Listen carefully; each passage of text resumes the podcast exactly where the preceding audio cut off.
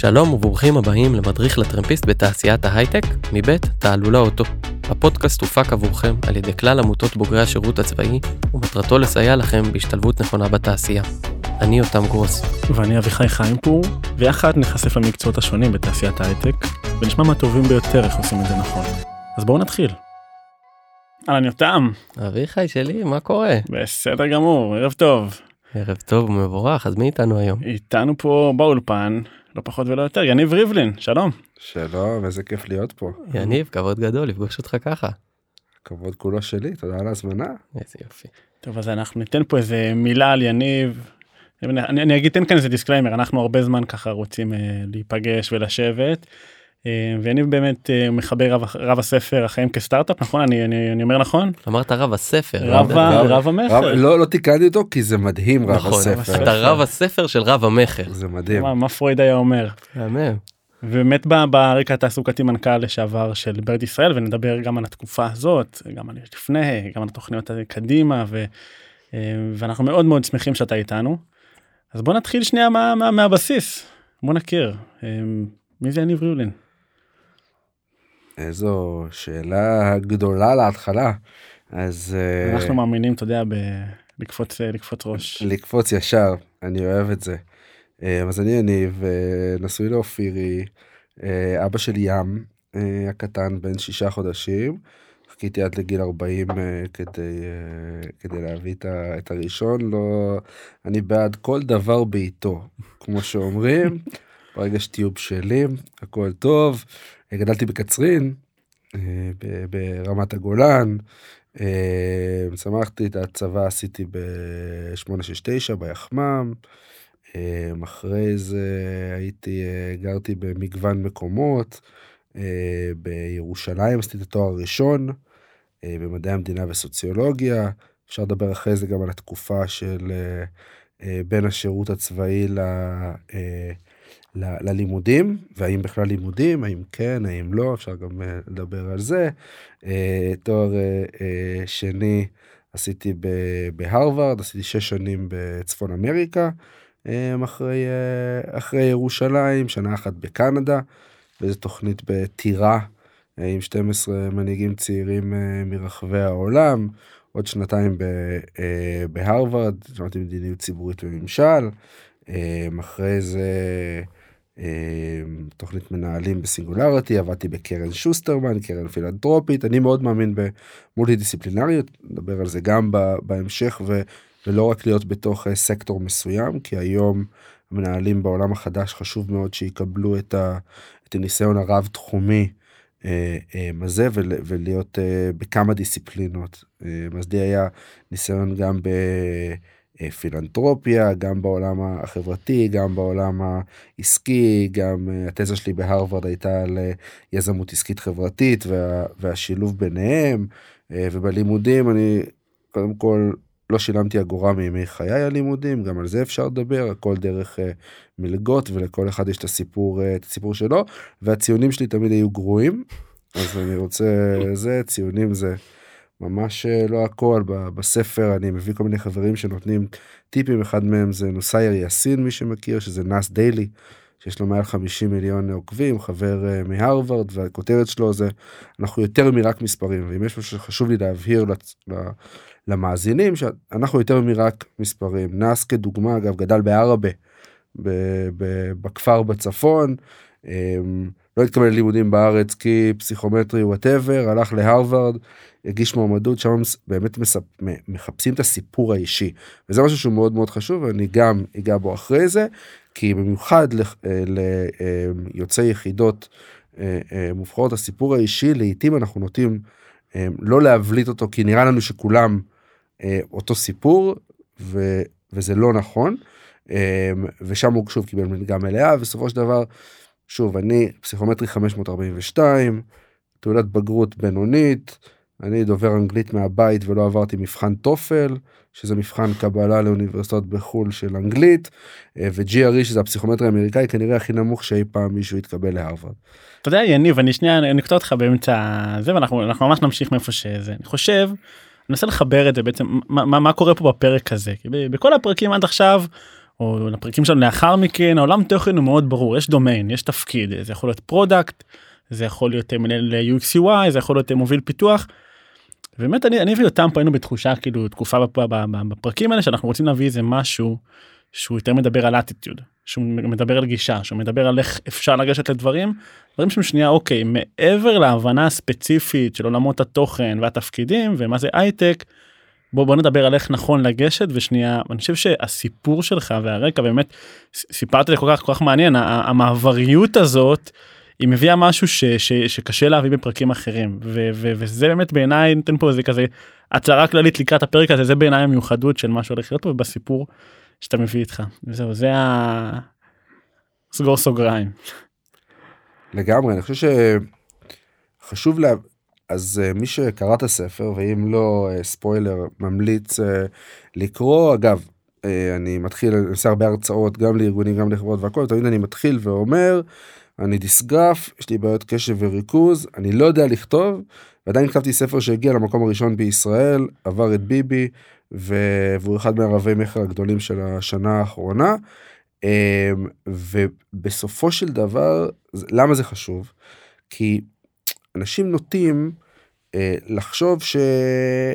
אה, שהם צריכים קודם כל לדעת לעשות הכל וגם ש... שהספר איך כתבתי אותו בעצם סופרת צללים הבאתי סופרת צללים הבנתי מה הנקודות שאני צריך לשפר שזה הכתיבה והכל הבאתי סופרת צללים שהיא בעצם כתבה לי את הספר ואני דיברתי. ובסופו של דבר זה מה שנתן לי חוץ מזה שזה יותר זול מטיפול פסיכולוגי אבל זה גם מה שנתן לי בסופו של דבר לכתוב והספר העטיפה שלו מי שיראה עטיפה של לונה פארק.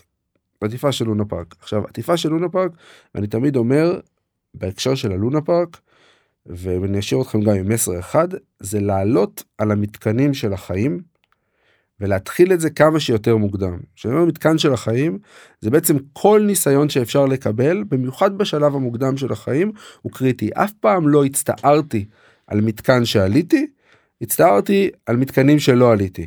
וככל שמקבלים את זה גם אני מעודד אתכם חבר'ה שהשתחררו עכשיו התקופת זמן נגיד של שנות ה-20 היא תקופה של הכי הרבה חוויות שאפשר לקבל בפרק זמן מאוד קצר לדוגמה אפשר לעשות מלא התמחויות מלא um, קורסים מלא ניסיונות ופה זה גם הדילמה האם ללמוד לא ללמוד אני חושב שלצורך העניין הלמידה אגב לאו דווקא הכרח.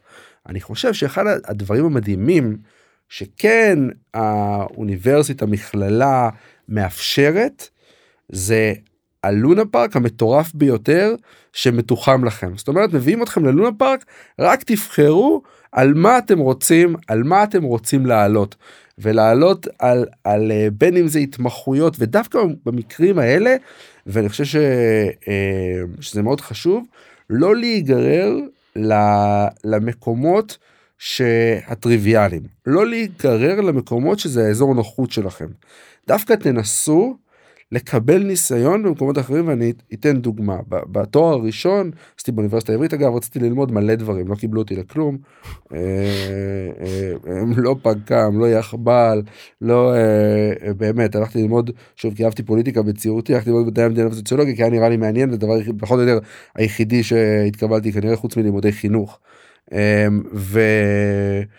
ושם עשינו התמחויות. אגב התמחויות אני רוצה לעודד אתכם כמה שיותר לעשות התמחויות זה אחלה דרך לקבל ניסיון ולעלות על מתקנים ולבנות את מה שאני קורא לו הפורטפוליו של החיים שזה משהו ש... שגם אפשר לדבר עליו אה, בהמשך. אבל התמחות הייתי יכול ללכת אני יותר סוד אה, סוד לא סוד אני יותר לכיוון המרכז המפה הפוליטית. היינו באוניברסיטה העברית כנסת הכל. הייתי יכול מאוד בקלות ללכת לעשות התמחות אצל מפלגה שיותר קרובה אליי. הלכתי לעשות התמחות אצל יעקב מרגי איזה מפלגה יעקב מרגי? ש"ס. ש"ס. יו"ר סיעה, בזמנו הוא היה יו"ר סיעת ש"ס, לימים נהיה גם שר הדתות. אמ, ודווקא הלכתי לעשות אצלו כי הבנתי שהתמחות זה משהו שמוגבל בזמן יום בשבוע למשך שנה כנראה שלא הייתי הולך אל מרגי לכמה שנים כנראה שלא הייתי הולך לזה אבל הדבר הזה נתן לי קודם כל להבין מאוד חברה אחרת החברה החרדית שלא הכרתי לפני קיבלתי הזדמנויות להשפיע על החקיקה שלו וללמוד הרבה דברים והוא בסופו של דבר זה שכתב לי את המכתב המלצה בתור כבר שר הדתות שאין לי ספק שעזר לי מאוד להתקבל להרווארד כי הם ראו שאני מוכן לקחת סיכונים אני מוכן לצאת מאזור הנוחות וזה משהו ש, ש, שהוא מאוד מאוד חשוב בהבנה שהכל בחיים זה הסיפור שאנחנו בונים זה הפורטפוליו שאנחנו בונים ו, ואנחנו מקבלים וה, ואפרופו הסיפור ואפשר גם לדבר על זה בהמשך אגב באירוע אביחי של אם אתה זוכר באירוע של אה, של פרונט לייף אה, עם בנט אה, עם נפתלי נכון, בנט נכון. ועם בקיץ הקודם. ועם ניר צוק בדיוק בקיץ הקודם אז היה מעניין כי אני אחרי הצבא הדבר שעשיתי היה נסעתי לחו"ל הייתי בסוכנות היהודית במחנות אה, אה, קיץ תנסו לנצל גם את היתרונות שיש לכם אז לי לדוגמה היה אנגלית אה, מהבית אז היה לי היה לי יותר קל רציתי לקבל את הרקע קצת צפון אמריקאי הלכתי ואז הלכתי לעבוד בעגלות. הלכתי למכור מוצרי ים. המלח ישראלי טוב אגב משהו שלא צריך ניסיון מהמם. שזה שזה מדהים. ואני טוען היום אפרופו גיל 21 ולחזור לגיל 21 אחד הדברים המדהימים שעשיתי בחיים שלי הקבלת ניסיון הזה במכירות וזה לא משנה איפה מקבלים את הניסיון במכירות זה בסופו של דבר אגב מה שאחד הדברים שבנו לי את הביטחון העצמי כי הייתי חוזר באותו יום אם לא הייתי מוכר הייתי יוצא עם 0 דולר אם הייתי מוכר הייתי יוצא עם לא מעט כסף והבנתי את הכוח במכירה. ובסופו של דבר המכירה זה התכונה אם אתה זוכר גם נפתלי בנט וגם אה, ניר צוק המייסד של פאלו אלטו חברה ששווה 47 מיליארד דולר וגם אני אמרנו שליזם התכונה הכי חשובה היא לדעת למכור כי בסופו של דבר אנחנו כל יום מוכרים את עצמנו. אנחנו כל יום מוכרים את עצמנו וככל שאנחנו מקבלים ביטחון עצמי במכירות והיכולת למכור זה לא משנה אם אתה מוכר קורקינטים או שאתה מוכר מוצרי ים המלח או שאתה מוכר אה, תוכנה איזה ברגע שאתה יודע למכור אתה יודע למכור ואתה מפתח את הביטחון העצמי הזה. אני הייתי רוצה לשאול אה, יניב סביב כל הסיפור הזה ובעצם באמת רגע להתמקד בתקופת זמן הזאתי שהיא מאוד מבלבלת שבן אדם מסיים את השירות הצבאי שלו בעיקר ביחידה לוחמת. אתה מגיע מעולם תוכן כל כך אחר של לא יודע רובים ואבטחה וכולי וכולי פתאום אתה נכנס לתעשיית טק כולם מחשבים הכל הרבה יותר נעים אספרסו במסדרונות עניינים ואתה מתאר פה איזשהו מעבר. אה, מאוד אה, ורסטילי כלומר נגעת בהמון דברים היית בהמון מקומות. הייתי רוצה לנסות יחד איתך ולהבין האם יש איזשהו קשר הדוק בין התקופה הזאת של סוף שירות צבאי לתקופה הזאת של תחילת קריירה ובעצם כניסה לעולם האזרחות. לגמרי כן חשוב לי ואני ואני אני רוצה שהחבר'ה בבית לא יילחצו. חשוב מאוד לא להילחץ בהתחלה זה it's easier said than done אבל להבין גם שאני הגעתי לטק בגיל 35 אגב דיברנו על רועי אה. על רועי אלבז חבר יקר גם דיברתי איתו על נכון. הסיפור שלו הוא לא הוא לא הגיע יום אחרי ואני חושב שאחד ה, ה, ה, הדברים המדהימים ב- בלוחמים ובוורסטיליות ושאתה לומד זה זה בסופו של דבר ה, היכולת ההסתגלותית אמ, הזאתי שמקבלים אותה במהלך השירות אמ, הקרבי ואחרי זה היא מאוד מאוד קריטית אבל אי אפשר לצפות שאתה אתה לא אין מה לעשות אתה לא כמו יוצא אה, אה, אה, 8200 אמרם עכשיו שישר ייקחו אותך אה, לתפקיד פיתוח. אגב זה לאו דווקא דבר רע. אני דווקא חושב שזה דבר הרבה יותר טוב כי זה מכין אותך למציאות היותר מאוחרת בצורה הרבה יותר טובה. כי אתה מגיע בצורה הרבה יותר הרבה יותר בשלה. החוכמה היא לבנות את הפורטפוליו של החיים. זאת אומרת לבנות אותו בשלב כזה שאני בגיל 35 נהייתי אה, מנכ"ל של חברת אה, אה, קורקינטים. בסדר שוב serendipity נדבר גם גלובלית על. בסוף לתפור שוק נכון. בישראל. ו- מהמם. והיכולת באמת בזה אגב גם הסיפור הזה איך הוא הגיע ישבתי במקרה בשדרת בן גוריון עם, עם אה, חבר מלוס אנג'לס דיברנו על, ה, אה, על החיים וראינו את הקורקינטים עוברים ואז הוא אמר לי מכיר חברה שנקראת ברד הוקמה לפני שלושה חודשים ב, אה, ב, ב, בלוס אנג'לס אמרתי לו לא אבל נראה לי יכולת מדהים בישראל היכולת לזהות הזדמנויות ולעוט עליהם היא קריטית ולפני זה מושג שאני מאוד מאוד ו- וגם מאוד מתחבר לה- להוויה ה- ה- של של הייתי אומר של מטכ"ל כאילו המעז מנצח. בסופו של דבר serendipity, שזה מושג שמבחינתי הוא מאוד מאוד חשוב. מה זה serendipity? מה זה serendipity בעצם? serendipity זה שרוב הדברים בחיים מגיעים לנו כשאנחנו בעצם יוצרים לעצמנו את ההזדמנות. מה זה אומר בעצם? הקפה שעשיתי עם סם, יצרתי את המפגש הזה, יצרתי את, ה, את המיקום הזה. זה לא עניין של מזל. בסדר? זה לא עניין של מזל. יוצרים את, ה, אמ, את ההזדמנויות שבסופו של דבר מביאים לנו את, ה, את המינוף הזה. אז מאוד חשוב גם לייצר את ההזדמנויות ואת המקומות האלה ואם מעניין אותנו כל מיני דברים אז להגיע למיטאפים להגיע למקומות לייצר את זה כי בסופו של דבר משם יגיעו ההזדמנויות. ואני רוצה לעודד כמה שיותר חבר'ה צעירים לשתות כמה שיותר כוסות קפה עם אנשים. טיפ הזהב פה אני, אני, אני עכשיו זה סוגר את המיקרופון הולך הביתה נראה, נאמר פה הדבר עושה קפה אתה אומר. זהו קפה. עכשיו אם אתה לא אוהב קפה הכל טוב. תעשה תה תעשה מיץ רימונים תעשה מה שאתה רוצה אבל תיפגש עם כמה שיותר אנשים בספר אשתי אופיר הטיפ שלה זה תשתו קפה עם אנשים מקסימום תתחתנו איתם.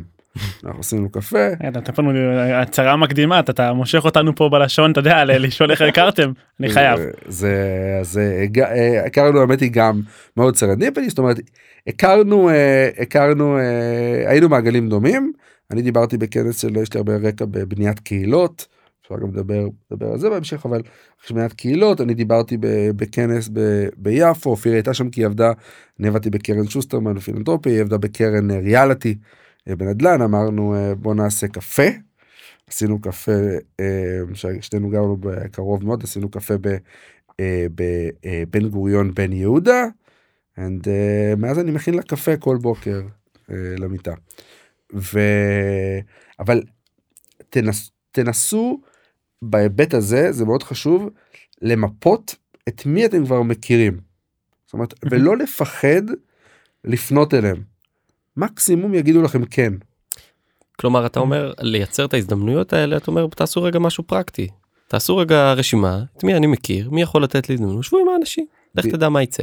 ואגב בכל מקום אני תמיד אני אני מנטור של של לא מעט אה, חבר'ה בעיקר בנגיד שנה ראשונה בלימודים ואחד הטיפים שאני תמיד נותן להם הדבר הראשון שאתם עושים בסופו של דבר צריך להבין החיים זה תחרות אין מה לעשות לא כולם יכולים לזכות ואנחנו מתמודדים נגד נגד כולם וזה בסדר וזה בסדר גמור וטוב להבין את זה. תחרות על משאב מוגבל. בדיוק זה... תחרות על משאב מוגבל זה מאוד נכון. תחרות בריאה גם יש. תחרות בריאה כן לא אמרתי אותו לשלילה. רוב האנשים בחיים הולכים בתלם אחרי זה תזכירו לי אני אספר סיפור על איך קיבלתי את המלגה לתואר שני בהרווארד של המאה אלף דולר אחלה אנקדוטה. אבל רוב האנשים הולכים בתלם. החוכמה ותמיד תמיד תמיד יש דרך. ותמיד יש דרך עכשיו העצה שאני תמיד נותן לחבר'ה בשנה הראשונה זה רוב האנשים שוקיסטים בהתחלה. בסדר? הם באים הלימודים וואו איזה כמו בטירונות אה, בדיוק אותו, אותו, אותו שוקיזם אה, אותו שוקיזם ו, ומבחינתם וואי אני חייב לקבל את הציונים האלה. קודם כל אתה לא חייב לקבל שום ציון אני הוכחה לזה שאתה לא צריך ויותר חשוב דווקא הדברים שתעשה במהלך התואר. אבל הדבר הראשון שאני אומר להם תעשו תלכו לדירקטורי אה, לרשימה של המרצים ותבדקו כבר איזה מרצים מעניינים אתכם איזה מרצים פועלים באותו תחום שמעניין אתכם. יש לכם את הזיקה הזאת ותעשו איתם, לכו תפגשו אותם. 99.9 אחוז הם יעופו על זה כי רוב האנשים לא הולכים לדבר איתם לפחות עד השנה השנייה. או מינימום סמסטר ב'.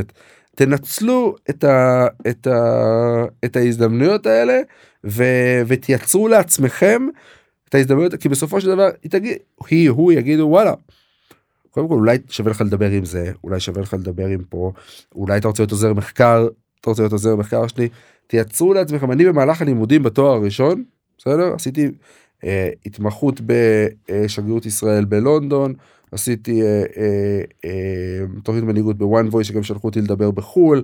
הייתי עוזר מחקר במכון טרומן. עבדתי בבית הלל שבבית הלל שוב צריך להבין תמיד מה אתה רוצה להשיג. לי היה חשוב שיהיה לי משרד באוניברסיטה כי הבית שלי היה רחוק. אמרתי איך אני מייצר לעצמי שיהיה לי משרד באוניברסיטה שאני אוכל לתפעל את כל האירועים משם? אז בית הלל היה הזדמנות uh, טובה ו, וגם אני כותב את זה בספר במהלך הלימודים בתואר הראשון. אל תיגררו, שוב, אני, אני פה הכללה, לא להיגרר לעבודות, אני קורא לזה בספר, עבודות אבטחה. לא יודע, כשם קוד. בטוחות אה, יבשות זה לא נותן לך איזשהו value שהוא מעבר בדיוק. ל... יכול להיות גם שייתנו לך את הארבע שקל יותר לשעה, או שתחשוב וואלה אחלה הזדמנות בשבילי ללמוד תוך כדי. בסופו של דבר, הארבע שקל האלה, בטווח של עשר שנים, אתה, במי, אתה בדפס, אתה במינוס מאוד מאוד גדול. קבלו קצת פחות כסף ותלכו לקבל את ה-added value הזה שבונה לכם את הפורטפוליו של החיים. תמיד תנסו להבין מה עוד אתם יכולים לקבל כדי לייצר את היתרון התחרותי והבריא מול האנשים אה, אה, שאיתכם כי רוב האנשים במיוחד ב- ב- בישראל שפה צריך לעבוד עדיין כי אה, לא כמו ב- ב- בחו"ל הולכים ל- נשאבים לעבודות של המלצרות אבטחה מהמם. אה, עכשיו כל עבודה מכבדת את בעליה ו- ויש מקרים שזה רק תשאלו את עצמכם את, ה- את, ה- את השאלה הזאת האם אני פה עכשיו ממקסם את, ה- את הזמן שלי ואת הערך העתידי שלי ואם התשובה היא, היא לא כנראה שזה לא המקום שאתם צריכים להיות בו. אני חושב שנגעת פה בנקודה מאוד מעניינת שמחברת שתי דברים שדיברנו עליהם מקודם. דבר ראשון אמרת שהתכונה שעזרה לך בשירות הצבאי היא בעצם היכולת להסתגל ולהתמודד עם כל מצב כלומר איזושהי תכונת אופי חזקה שנבנית. והדבר השני שאתה בא ואומר זה אומר המקצוע שרכשתם בצבא שאחר כך יכול לשרת אתכם באזרחות כמאבטח או וכולי. אל תתאהבו ביכולות הטכניות אלא דווקא תאתגרו אתכם ובעצם תיקחו מהצבא לא את הדברים המקצועיים אלא אם כן אתם הולכים אה, לא יודע שירות אה, ביטחון וכולי אבל אל תיקחו את הדברים המקצועיים אלא תבחרו את הדברים הערכיים את הדברים האנושיים את התכונות שקיבלתם מהמם. והם הכלים שיעזרו לכם בעצם להתקדם ולהשתלב. חד משמעית הגדרת את זה מאוד יפה ותמיד לצאת מאזור הנוחות זאת אומרת, יש איזה גרף שאני נותן בהרצאות שלי גם חושב שהוא מאוד הוא מאוד uh, נכון אבל יש בעצם את אזור הנוחות אחרי אזור הנוחות תמיד וגם בצ, בצבא או בכל מקום שעשית מסע 80 קילומטר זה זה יצאתם מאזור הנוחות היה אזור פחד אין מה לעשות נכון. תמיד כשאתה יוצא מאזור הנוחות יש אזור פחד. תמיד. אבל רק מהאזור הפחד אתה יוצא לאזור הלמידה ולאזור הצמיחה. ואתה לא יכול להגיע לאזור הלמידה או ללמוד משהו חדש או לצמוח בלי לעבור את אזור הפחד. אז חשוב מאוד, יש את השיר של אה, Simon and Garfunkel, מי שמכיר Sound of Silence. אז איך הוא, Obvious. אז איך הוא מתחיל? איך הוא מתחיל? Hello darkness, my old friend, I come to talk to you again. מהמם. שהשחור והדארקנס והפחד הוא שלב אינהרנטי בצמיחה שלנו. ו, וגם שוב וגם אתה יוצא מאזור החוץ ואתה לא מצליח בפעם הראשונה אגב אני רוב הפעמים אגב אמרתי לכם על הציונים אבל רוב הדברים שניסיתי להתקבל אליהם בפעם הראשונה נכשלתי. אני חושב שזו אמירה שהיא מאוד מאוד חשובה דווקא אתה יודע, לחבר'ה פה בתחילת הדרך שהם אומרים בואנה החוויות של כישלון זה חוויות שהן הם אינטגרליות הן פוגשות כל אחד ובמיוחד בשלב הראשון שהוא עוד מתחכך ולומד ומתגלח ומבין מה הvalue שלו ומשתייף. והתהליך הזה כולל הרבה כישלונות יש משהו שאתה, שהוא, שהוא מאוד גם מרגיע.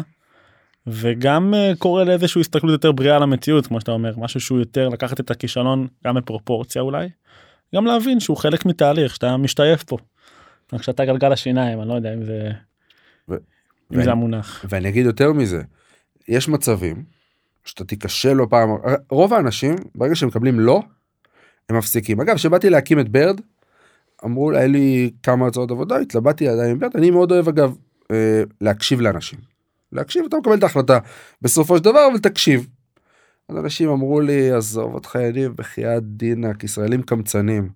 מי בכלל יסכים אה, אה, לשלם אה, על השירות? או שאמרו לי עזוב אותך נו, יש פה אופ- אופניים אה, פרטיים קורקינטים אה, אה, פרטיים מי בכלל צריך מי בכלל ישתמש בשיתופי. או אמרו לי. עזוב, עזוב אותך בחייאת דינק תוך שבוע ישראלים ונדליסטים. תוך שבוע לא יהיה לך צי. אז מצד אחד קודם כל ככל שאומרים לכם לא במסע היזמי תדעו שאתם בכיוון הנכון. אה, כמובן עדיף לטבל בכמה או שאתם ממש ממש לא בכיוון בכמה. קנים כן עדיף לטבל בדיוק עדיף לטבל בכמה קנים גם תוך כדי אבל שלא לא יפחיד אתכם וגם לקבל לא שלא יפחיד אתכם אני דוגמה בתואר הראשון היה תוכנית דיפלומטית ציבורית של stand with us, של תוכנית של הזה, לא התקבלתי פעם ראשונה. עכשיו, אין, אין היגיון בזה שלא התקבלתי פעם ראשונה. פעם שנייה, התקבלתי בשנה השנייה, וסיימתי מצטיין ארצי. בסדר? כי כנראה קודם כל הגעתי כנראה יותר בשל. הגעתי במקום הנכון שהייתי צריך להגיע. הבעיה שרוב האנשים ברגע שאומרים להם לא, גם במקרה של גם במקרה הזה, רוב האנשים אומרים, אומרים לא, אז לוקחים צעד אחורה. אני לא מגיש שוב, אני כנראה זה לא בשבילי, נגלה עוד משהו. אולי אני לא טוב. בדיוק, ורוב הזמן זה יכול להיות גם משתנים חיצוניים. אני אתן דוגמה. בתואר, בתואר השני הגשתי לכמה אוניברסיטאות כי, כי הגשתי ל- להרווארד, לקולומביה, לטאפטס. התקבלתי להרווארד שזה מספר אחד בעולם ביפר במיוחד במקצוע שלמדתי ולא התקבלתי לקולומביה שזה לא מספר אחד זה זה אה, יותר קל הרבה יותר קל להתקבל לקולומביה למה לא התקבלתי? לא יודע אין סיבה באמת למה לא התקבלתי יכול להיות שמי שקורא את ה application שלכם באותו רגע התחיל את הבוקר בצורה פחות טובה. יכול להיות שהוא ב, כמו ב, ש, שדן אריאלי תמיד מדבר הוא הגיע לזה נגיד ב, ב, ב, כמו שאנחנו עושים עכשיו את הפודקאסט מקליטים בשעה תשע בערב יש מצב שהוא הגיע בתשע בערב וכבר לא היה לו כוח. כן. תזכרו שזה לא שזה לא אתם אה, תמיד ולהמשיך ו, אה, ולנסות כי איך, ש, איך שהחיים נבנים זה החיים נבנים על כישלון הצלחה כישלון הצלחה ואין מה לעשות זה לא יהיה קו זה לא יהיה קו. יניב- עשה פה. תנועה של מדרגות אני משתף פה. כן, עשיתי תנועה של המדעיות. זה אני תשע בערב בגלל זה אני שוכח ש, שאנחנו בפודקאסט אבל אה, אבל זה מאוד חשוב ל, ל, ללא לקחת לא כ, כסוף פסוק.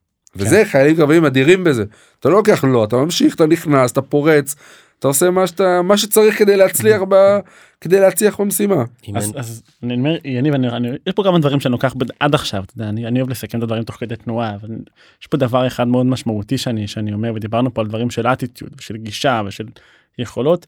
היה פה דבר ראשון שדיברנו על, על כוסות קפה על נטוורק על היכולת לפתח נטוורק אתה יודע בין אם זה לייצר אדוות וגלים ולהגיע למקומות שדברים קורים ובין אם ממש לעשות את זה מכנית בסדר אקסל עם שמות ולסמן וי מי ישבת ומי לא. אני אתה אני מוסיף פה על המכניקה שלך גם זה הדבר הראשון שיניב עשה שהוא נכנס לפה הדבר הראשון אני צריך אספרסו חבר'ה בואו נשב לקפה רגע נבין נכיר. זה פתיחה תמיד טובה להכל. זאת אומרת, אנחנו מדברים פה גם על אזור הנוחות, גם על היכולת לקבל לו וגם על היכולת תמיד לדחוף. ואני אני, אני מנסה, אני רוצה לגשת כאילו דווקא אולי לצד שאני חושב שבעיניי מזהה, מזוהה מאוד עם יניב ריבלין היום, וזה הצד באמת של ברד, הצד יותר מפורסם, יותר מוכר. באמת אולי באיזשהו מקום מהפכת הקורקינטים החשמליים בישראל, כל התחבורה הזהירה הזאת, היא באיזשהו אופן כ- התחוללה הרבה בזכותך, יש אנשים שיגידו בגללך. אמ, ספר לנו על זה, זה נשמע לי, נשמע לי כמו איזה שלב מאוד מאוד מעניין שאני אני סקרן להבין אותו, גם בסיפור בכלל של תעשיית הסטארט-אפים, איך זה עובד, אתה יודע, איך נראה, והדבר המעניין פה זה להכניס חברה גלובלית לשוק הישראלי על כל הרגולציה והוונדליזם קראת לזה. משהו שהוא קשור באלמנט שיותר נקרא לזה ים תיכוני יותר פחות מאופק. לגמרי. אז אחרי זה אבל תזכיר לי כי יש לי דוגמה מאוד אה, אה, מעניינת על, ה, אה, על המלגות שאני כן חושב שתהיה חשובה. מהמם. כתבת, אנחנו חוזרים לי- אנחנו חוזרים מזה. תזכיר לי אחרי זה כי זה חשוב במיוחד לחיילים קרביים נגיד התואר הראשון אני קיבלתי מלגה מלאה בגלל שהייתי חייל קרבי ומהפריפריה אה, אז אז נדבר על זה אחרי זה כי אני חושב שזה מאוד אה, מאוד חשוב אה, אבל בהיבט אה, בהיבט של ברד אז, אז באמת אז, אז אני רוצה לקחת אותנו קצת fast forward כאילו ל, ל, ל, דיברנו באותו שלב הייתי אה, אה, הייתי בן 35 באמת אה, אחרי לא היה לי ניסיון יותר מדי בעולם הטק באמת הייתי ב... הייתי בקרן פילנטרופית חמש שנים אחרי שסיימתי בהרווארד בקרן שוסטרמן ו, ו, ובאותו באותו זמן ארגנתי מסעות תוכנית שנקראת ריאליטי שמביאה מובילי דעת קהל לישראל למסע מנהיגותי וחיבור לישראל בעולם היהודי אגב. כל המובילי דעת קהל והאנשים בסופו של דבר המשאב הכי חשוב שלנו חוזר למה שאמרנו מקודם זה אנשים.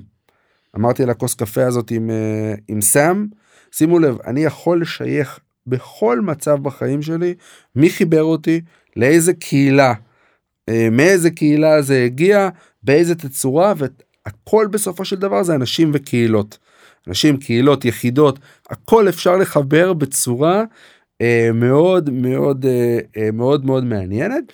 ישבתי עם סם, אה, ואז אה, ואז שוב דיברנו על, על באמת על, ה, אה, על התחום ואמרתי אוקיי אחלה הזדמנות אה, אה, להתחיל את זה אגב שמה באותו מצב.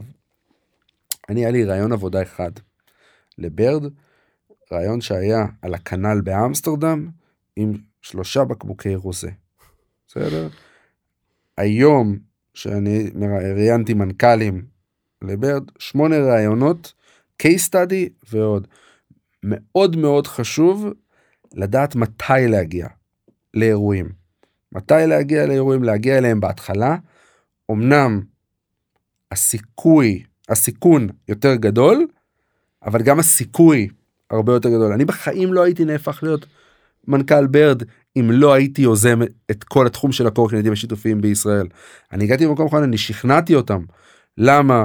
אגב, שכנעתי אותם במסמך וורד מצ'וקמק לא היה לי רקע באקסל לא היה לי את כל הדברים שכביכול לא היה לי את ה-MBA לא היה לי את הדברים שכביכול um, צריך כדי להיות uh, uh, מנכ"ל של, uh, um, של חברה בסדר גודל שאגב אחרי זה היינו היוניקורן חברה שמגיעה למיליארד דולר הכי מהירה בהיסטוריה האנושית תוך שמונה חודשים היינו שווים מיליארד דולר.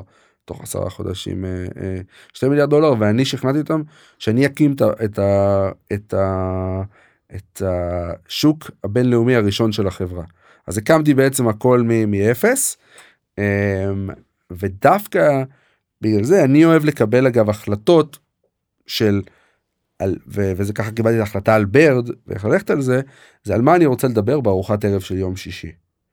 מבחינתי זה הדרך שאני מקבל בה את ההחלטות הגדולות למה?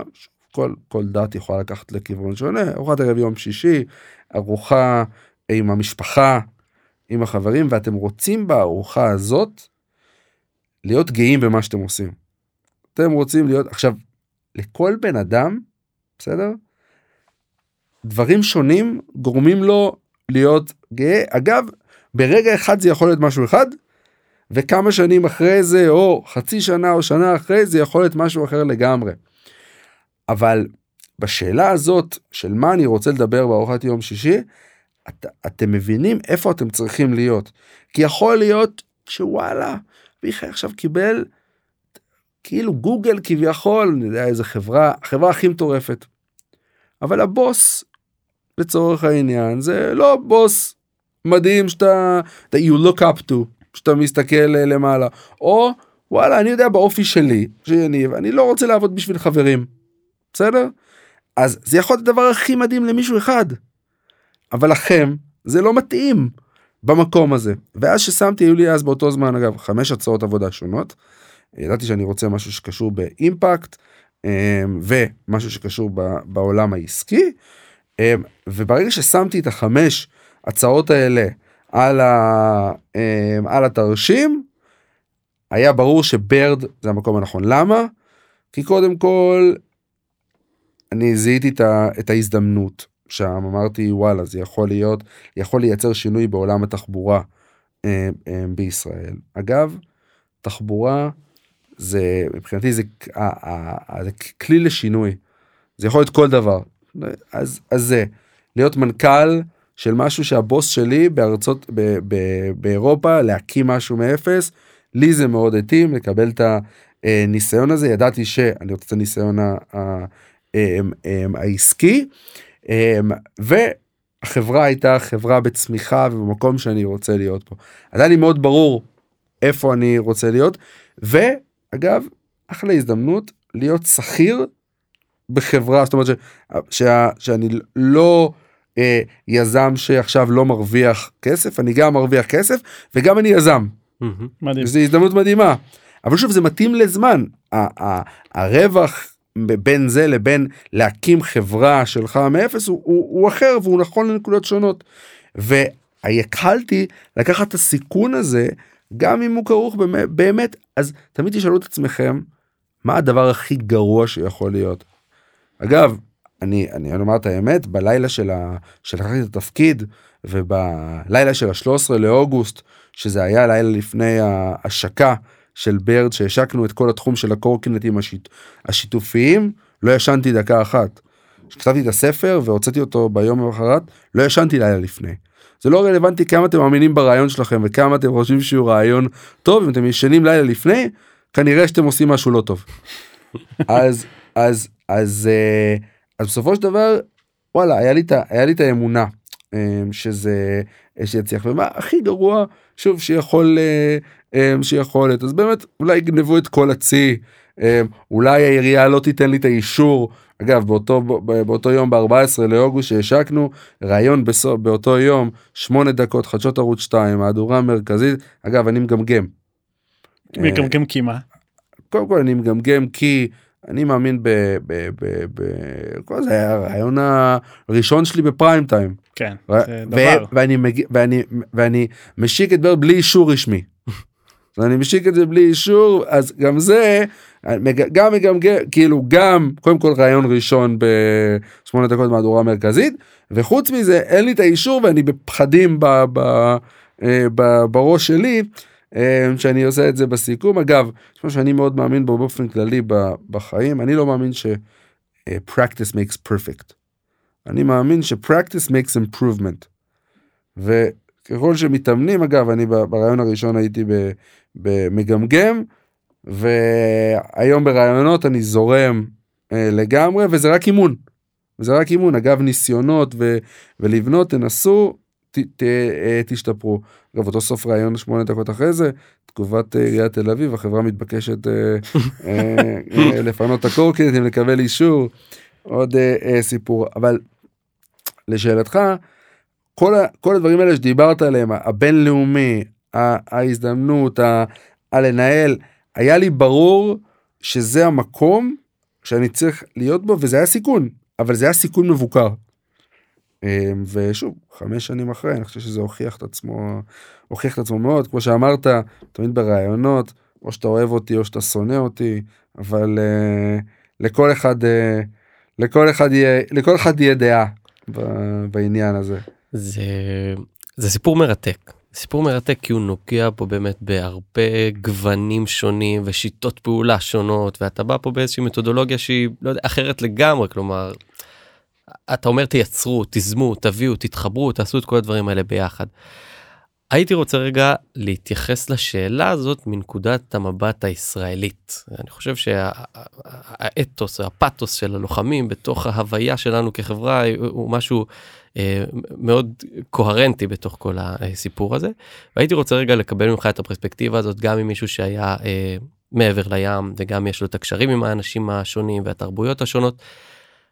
מה כל כך מיוחד אצלנו פה הישראלים ש...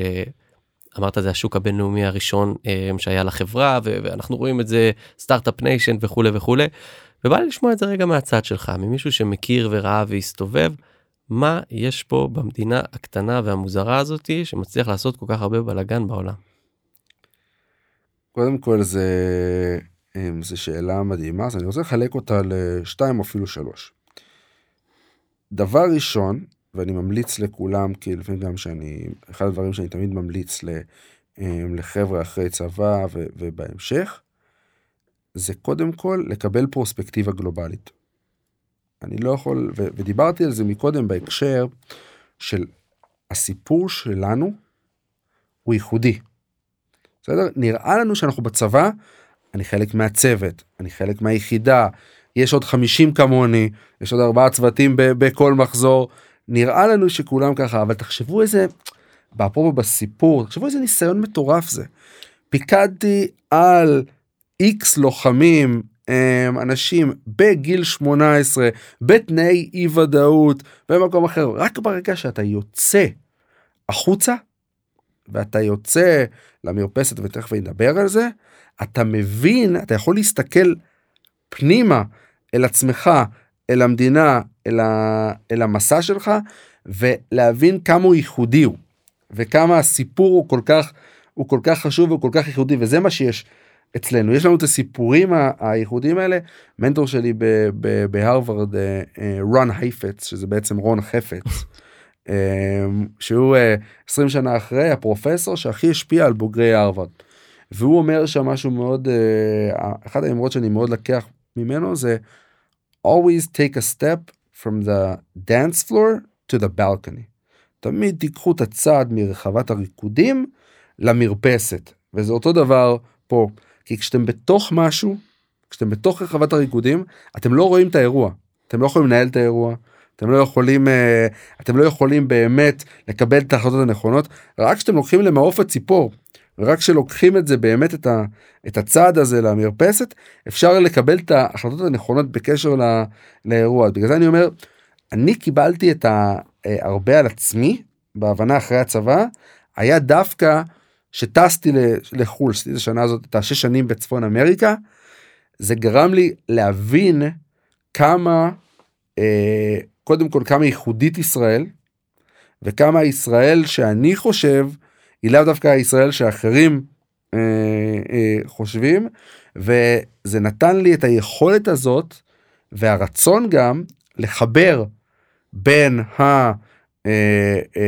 החו"ל אה, אה, אה לישראל ולהראות את הישראל האמיתית ו, וזה שהוא מאוד מאוד חשוב גם באספקט הגלובלי של עבודה בחברה גלובלית כי רק כשאתה נכנס לראש של האחר ואת ההבנה בין הישראליות לבין הגלובליות אפשר באמת אה, אה, לקרב אה, ביניהם שזה מאוד מאוד אה, חשוב. Mm-hmm. ואני חושב אפרופו השאלה הזאת הישראליות באופי שלה אנחנו early יש סיבה שאנחנו early adopters גם אגב בקורקינטים קורקינטים אנחנו יש 450 שווקים בעולם של קורקינטים שיתופים אנחנו מספר אחד בעולם. בוא נתייחס רגע למושג הזה של early adopters במונחים של אה, אימוץ טכנולוגיה כלומר בדיוק. אנחנו השכבה הראשונה שבדרך כלל מאמצת את הדברים נוגעת בהם. לגמרי שזה אחד ה... אחד ה... אמ, אחת הסיבות למה Start-Up Nation למה קוראים לנו אומת הסטארט-אפ. כי אנחנו לא מפחדים אגב שזה מאוד דומה לצבא יש בעיה בוא ניקח בוא ניקח את הקורקינטים השיתופיים יש בעיה אנחנו העיר הכי צפופה אה, אה, עם הבעיות הצפיפות הכי גדולה בכל ה-OECD בסדר והישראלים ימצאו פתרון. ימצאו mm. את הקורק... אגב, הקורקינטים והאופניים החשמליים היו, היו חוקיים בישראל מ-2016. בסדר? שבשעה שאנחנו השקנו את ברד בעולם ב-2018, אנחנו היינו הקורקינטים הראשונים בכל ארצות הברית. למה? כי ישראלים, יש את הבעיה הזאת, הם מאמצים את הפתרון. הם מבינים שזה הדרך הכי נוחה והם הולכים על זה. שזה מאוד מאוד מעניין אגב גם באותו דבר אתה מגיע למצב וזה אני חושב שזה מגיע הרבה מאוד גם מהצבא. אתה מגיע יש לך בעיה אתה אתה תאמץ את מה שבאותו רגע יעזור לך לפתור את הבעיה אתה תביא את אתה תביא את הבעיה אתה תאמץ ות, ו, ותפתור. אמרת אתה... את זה אמרת את זה מקודם סליחה שאני מתפרץ לך אמרת כן. את זה מקודם שזה נקודה מאוד מהותית ויפה שאני אוהב אותה שבעצם אני חושב שישראל זה המקום היחיד שילד בן 19-20 מקבל את האחריות שהיא אחריות שהיא כל כך כבדה לא רק על כמות של אנשים אלא ממש על החיים שלהם שזה הערך העליון וזה פשוט זורק אותך למים לדעת להתמודד עם הדברים האלה וזה מהמם.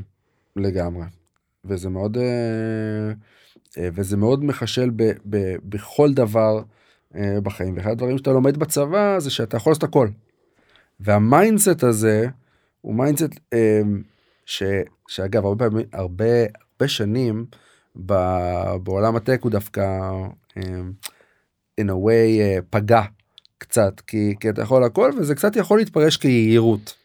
בסדר שאתה יכול הכל וזה אז קודם כל מצד אחד אנחנו יכולים הכל Mm-hmm. מצד שני, חשוב מאוד גם שבאים לבנות צוות, גם שעושים כל דבר, להבין שאתה יכול, אתה אולי, חושב שאתה יכול לעשות הכל, אבל מה אתה צריך להביא כדי לבנות את ה... כדי לבנות את, ה, את הצוות הנכון וזה מאוד חשוב. אין מנהיג כל יכול. אני, אני אעשה איזה אה, בגלל שפסח תכף לא יודע מתי זה זה ישודר אולי אחרי פסח. בקרוב אז בקרוב אבל יש סיפור מדהים על יציאת סיפור יציאת מצרים. אני רוצה שתי דקות לגעת בסיפור יציאת מצרים ברשותכם כי זה מלמד מאוד על האופי ה... אה, על האופי שאני חושב מאוד חשוב לבניית אה, מנהיגות. שזה לקח מנהיגותי מאוד חשוב. אז סיפור יציאת מצרים. בסדר? בוא ניקח סיפור יציאת מצרים. אלוהים נכון? אלוהים הוא, הוא, הוא כל יכול. נכון? הוא היה יכול לבנות מנהיג אחד שיכל לעשות הכל. אבל בסיפור יציאת מצרים הוא בעצם בונה צוות מנהיגות. מי המנהיג הראשון שהוא מביא? משה. הייתי אומר משה. משה. משה אחד המנכ"לים הראשונים והמובחרים בעולם. CEO במלוא רמ"ח איבריו, יודע את ה vision, יודע מאיפה הוא רוצה להגיע. leader. leader, ממקום A למקום B, אבל מה היה למשה? מגמגם. מה- היה לו את הארון, לא? מה- מה זה נכון? היה לו את הגמגום. היה לו את הגמגום, תקשורת שהיא קצת היום אם אנחנו מסתכלים על מנכ"לים, לאו דווקא הפרסונה ש, אה, שהייתם שמים. אגב, היה לו יחסי אנוש לא טובים, אה, אה, לא מזהירים במיוחד, והוא לבד הבין שהוא לא יכול לתפעל את האירוע. זה לא, אז הוא מביא איתו צוות מנהיגות, בן אדם נוסף, מי הוא הביא? אהרון. אהרון, היום בעצם ה-Chief Communications Officer, אם, אה, אם תרצו. הבן אדם יודע לדבר עם פרעה בצורה אחת, יודע לדבר עם בני ישראל בצורה אחרת לגמרי, יודע, איש תקשורת מדהים. אבל שניהם ביחד, גם משה וגם אהרון, לא מצליחים להוציא את, אה, את בני ישראל אפילו אל המדבר. אגב, ש, ש, שמשה המנכ"ל עולה לדבר עם יו"ר הוועד, עם, אה, עם אלוהים בהר, מה קורה? כולם הולכים ל- להתבלגן בשמחתאים. שמחתאים, עגל הזהב, תחת. המשמרת של אהרון. נכון. כי הוא, שוב, הוא Chief Communications Officer, אבל תחת המשמרת של אהרון, זה מה שקורה, ושניהם לא מצליחים להוציא, למה? כי שניהם מדברים אל הראש, הם לא מדברים אל הלב. ושניהם לא מספיקים להוציא. מי מביאים? מי מביאים כדי לעזור? זה כבר עמוק מדי בשבילי. יש לו, יש לו אנחנו background. יניב. מביאים, מביאים את מרים. מרים מגיעה, לא מדברת הרבה, אבל בתופים ובמחולות מביאה משהו אחר. מביאה משהו אחר. היא היום היית קורא לזה Chief People's Officer. Head of Fun, לא? זה ה... בדיוק, Head, head of Fun, Head of, uh, head of People. היא מצליחה עם ה passion, היא מצליחה להניע את בני ישראל, כי אתם חייבים את ה passion כדי שיהיה את המנהיגות, מנהיגות בלי passion זה לא, זה לא מנהיגות, והיא זאת שמצליחה להוציא את בני ישראל ממצרים אל המדבר, אבל הם במדבר, הם לא מצליחים להיכנס לארץ המובטחת. למה? כי הם בלגן. מה צריך? אני חושב שעם כל הנפוטיזם הזה מתבקש שיבוא מישהו מחוץ למשפחה, לא? מי מגיע? מגיע יהושע בן נון. בדיוק, מגיע יהושע, ה-Chief Operating Officer, האדיר, מגיע, מחלק אותם באקסל, כוחות ומשימות. בדיוק, 12 שבטים, מחלק אותם לאקסל בצורה, בצורה מאוד נבונה, כל אחד יודע לאן הוא תוקף, ובסופו של דבר יהושע בן נון, וזה אגב כבוד ל- למשה וליו"ר הוועד שהחליטו, הוא בסופו של דבר זה שמכניס לארץ המובטחת. לא הוא לוחץ על הפעמון בנסדק. הוא לוחץ על הפעמון בנסדק כי אחרת לא היה לא היה פעמון הם לא היו לוחצים על הפעמון. כי גם משה הבין שהוא היה צריך יהושע היה זה צריך זה שצריך להכניס אותו. עכשיו מה הלקח של, ה, של הסיפור יש פה בסופו הרבה, של דבר? אגב. נכון. יש לא, לא מעט לקחים. אבל אחד הלקחים הבאמת הגדולים שבסופו של דבר כדי להצליח. לא כזה שאתה יודע הכל. אתה צריך צוות מנהיגות. אתה צריך להבין קודם כל תבין מי אתה.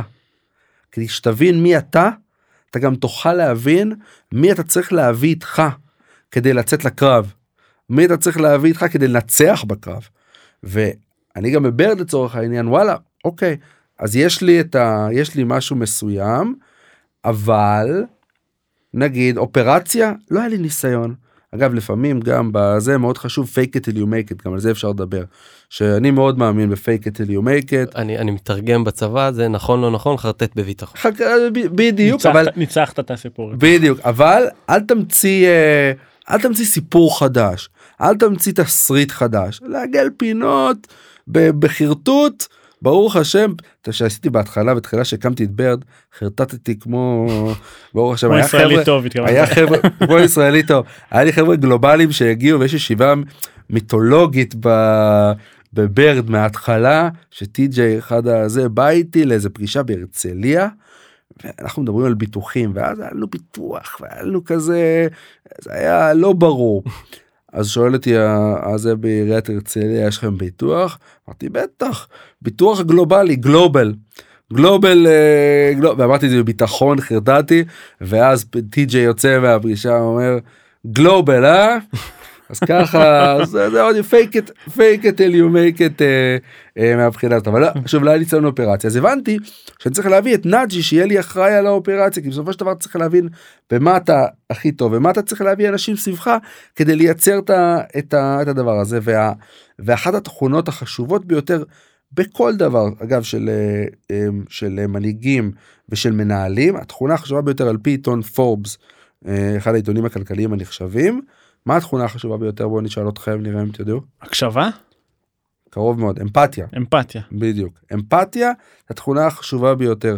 וזה משהו שמסר שאני רוצה להעביר כי אמפתיה זה היכולת להבין את הצד השני להיכנס לצד השני ולהבין מה עובד עליו כדי להניע אותו. ופה תזכרו מה שדיברתי בתחילת הפרק על מרגי ועל כל הדברים. ה- היכולת להבין מגזרים שונים היכולת לקבל פורטפוליו אה, שונה מולטי דיסציפלינריות דיסציפלינות שונות זה משהו שבסופו של דבר מאוד מאוד משפר את, ה, אה, את האמפתיה שמאפשר לכם בסופו של דבר לעשות מה שאתם בסופו של דבר רוצים כי להיות מנכ"ל של קורקנטים זה כמו להיות מנכ"ל של חברת תרופות זה כל דבר כל יש לך את האמפתיה ואת ההבנה של אנשים והצד השני אתה בדרך ה... אתה בדרך הנכונה. מדהים אני אני. אנחנו, אנחנו מתחילים להתכנס לסיום ודיברנו כאן באמת על, על יתרונות של ישראלים ודיברנו אולי כחלק מהסיפור הזה לא בהכרח יתרונות של ישראלים אבל מהחוויה הישראלית על השירות הצבאי ועל החוויית מנהיגות באמת צללנו פה באמת על, על, על הופעות שונות של מנהיגות ודיברנו פה על צוות מנהיגות. יש דבר אחד ככה לקראת סיום שאני אני פה חייב לך את הסיפור של קבלת המלגה. בוא, בוא נדבר שנייה על קבלת המלגה להרווארד כי זה דבר שאתה יודע באמת סיפור מעניין שאני חושב. אני, אני מכיר אותו אישית אני ככה גילוי נאות קראתי את הספר מלפני כן איך שיניב הוציא אותו. אה, וזה סיפור שנראה לי מאוד מעניין ויש הרבה מה ללמוד ממנו. אז, אז איך זה קרה מה מה קרה שם. מעולה אז קודם כל כמו שאמרתי לפני לא שילמתי אגורה מימי חיי הלימודים אני אתחיל כן עם התואר הראשון כי זה כן אני חושב לחבר'ה ש, שרוצים ללמוד. תחפשו את ההזדמנויות ת, ת, תמצאו אותם כי כי הן נמצאות אבל כן צריך לנבור וכן צריך לחפור וכן צריך ללמוד. אז דוגמא התואר התואר הראשון קיבלתי מלגה מלאה כי גרתי בקצרין. גם תנסו לנצל את הכביכול חסרונות או יתרונות ליתרונות שלכם. גדלתי בקצרין עיירת פיתוח אה, זה. אבל דווקא מזה קיבלתי את המלגה המלאה מלגת מפעל הפיס אה, שהיה אז זה היה שנה 2006 זה השנה הראשונה של מלגת מפעל הפיס. הגישו לזה אלף איש אלף איש קיבלו. היום מגישים המון הרבה הרבה יותר הבנתי בעשרות אלפים ומקבלים אותם אלף. אז להיות, ה, להיות הראשונים אפרופו ולמצוא את ההזדמנויות האלה ולנצל את זה לטובתך תואר שני. התקבלתי, ל, התקבלתי להרווארד אבל אין לי עדיין את ה-100 אלף דולר לא באתי מבית אה, של כסף. הייתי צריך את המלגה.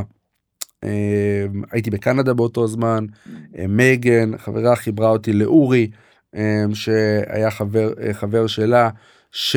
היה ב, גם בהרווארד שאמר לי על איזו מלגה אה, קיקיונית אפשר לקרוא לזה זאת אומרת לא מוכרת יתר על המידה אה, מהקהילה היהודית בסיינט פול מנסות המקום שלא הכרתי על המפה אה, אה, לפני שישראלי אחד בשנה מקבל את זה ללימודים באייבי ליג שזה ליגת הכיסוס האוניברסיטאות המובחרות ביותר בארצות הברית אחד מקבל בשנה ללימודי מדעי המדינה מדיניות ציבורית משפטים וכלכלה.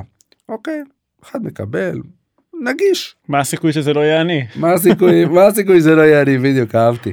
מגיש, אה, 24 הגיעו לשלב הסופי, מתקשרים אליי, אה, זה, הגעת לשלב הסופי, בוא תעלה על, אה, אני במונטריאול באותו זמן בקנדה, בוא תעלה על ה Webex, מי שזוכר Webex, אתם כנראה לא תזכרו מי שמקשיב לפרק הזה, אבל Webex זה מה שהיה לפני אה, יותר מעשר שנים, הזום של היום. זה היה התוכנה הראשונה של ה video conferencing של סיסקו תעלה על ה Webex.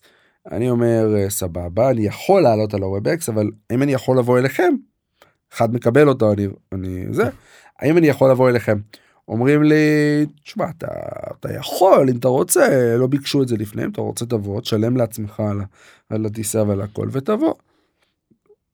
אין שאלה בכלל. קונה לעצמי כרטיס טיסה 480 דולר טס ממונטריאול למינסוטה, מי שלא היה במינסוטה בדצמבר, לא חוויה מומלצת במיוחד, קור אימים. עכשיו אני בתקציב סטודנטי ישן במוטל 6 מי שלא ישן במוטל 6 זה כאילו הבררה של הבררה 1999 מחיר מבצע ומגיע לך שרת בלי שיניים לפתוח את החדר לא ב... לא ב... לא לא סימפטי. לא חדר אה, סימפטי יתר על המידה מגיע לרעיון ומקבל את ה-100 אלף דולר. בסדר שזה הוצאתי 500 דולר קיבלתי 100 אלף דולר החזר השקעה של 200 X. עכשיו יכול להיות שהייתי מקבל את המלגה גם אם הייתי עולה על ה Webex יכול להיות אנחנו לעולם לעולם כנראה לא נדע.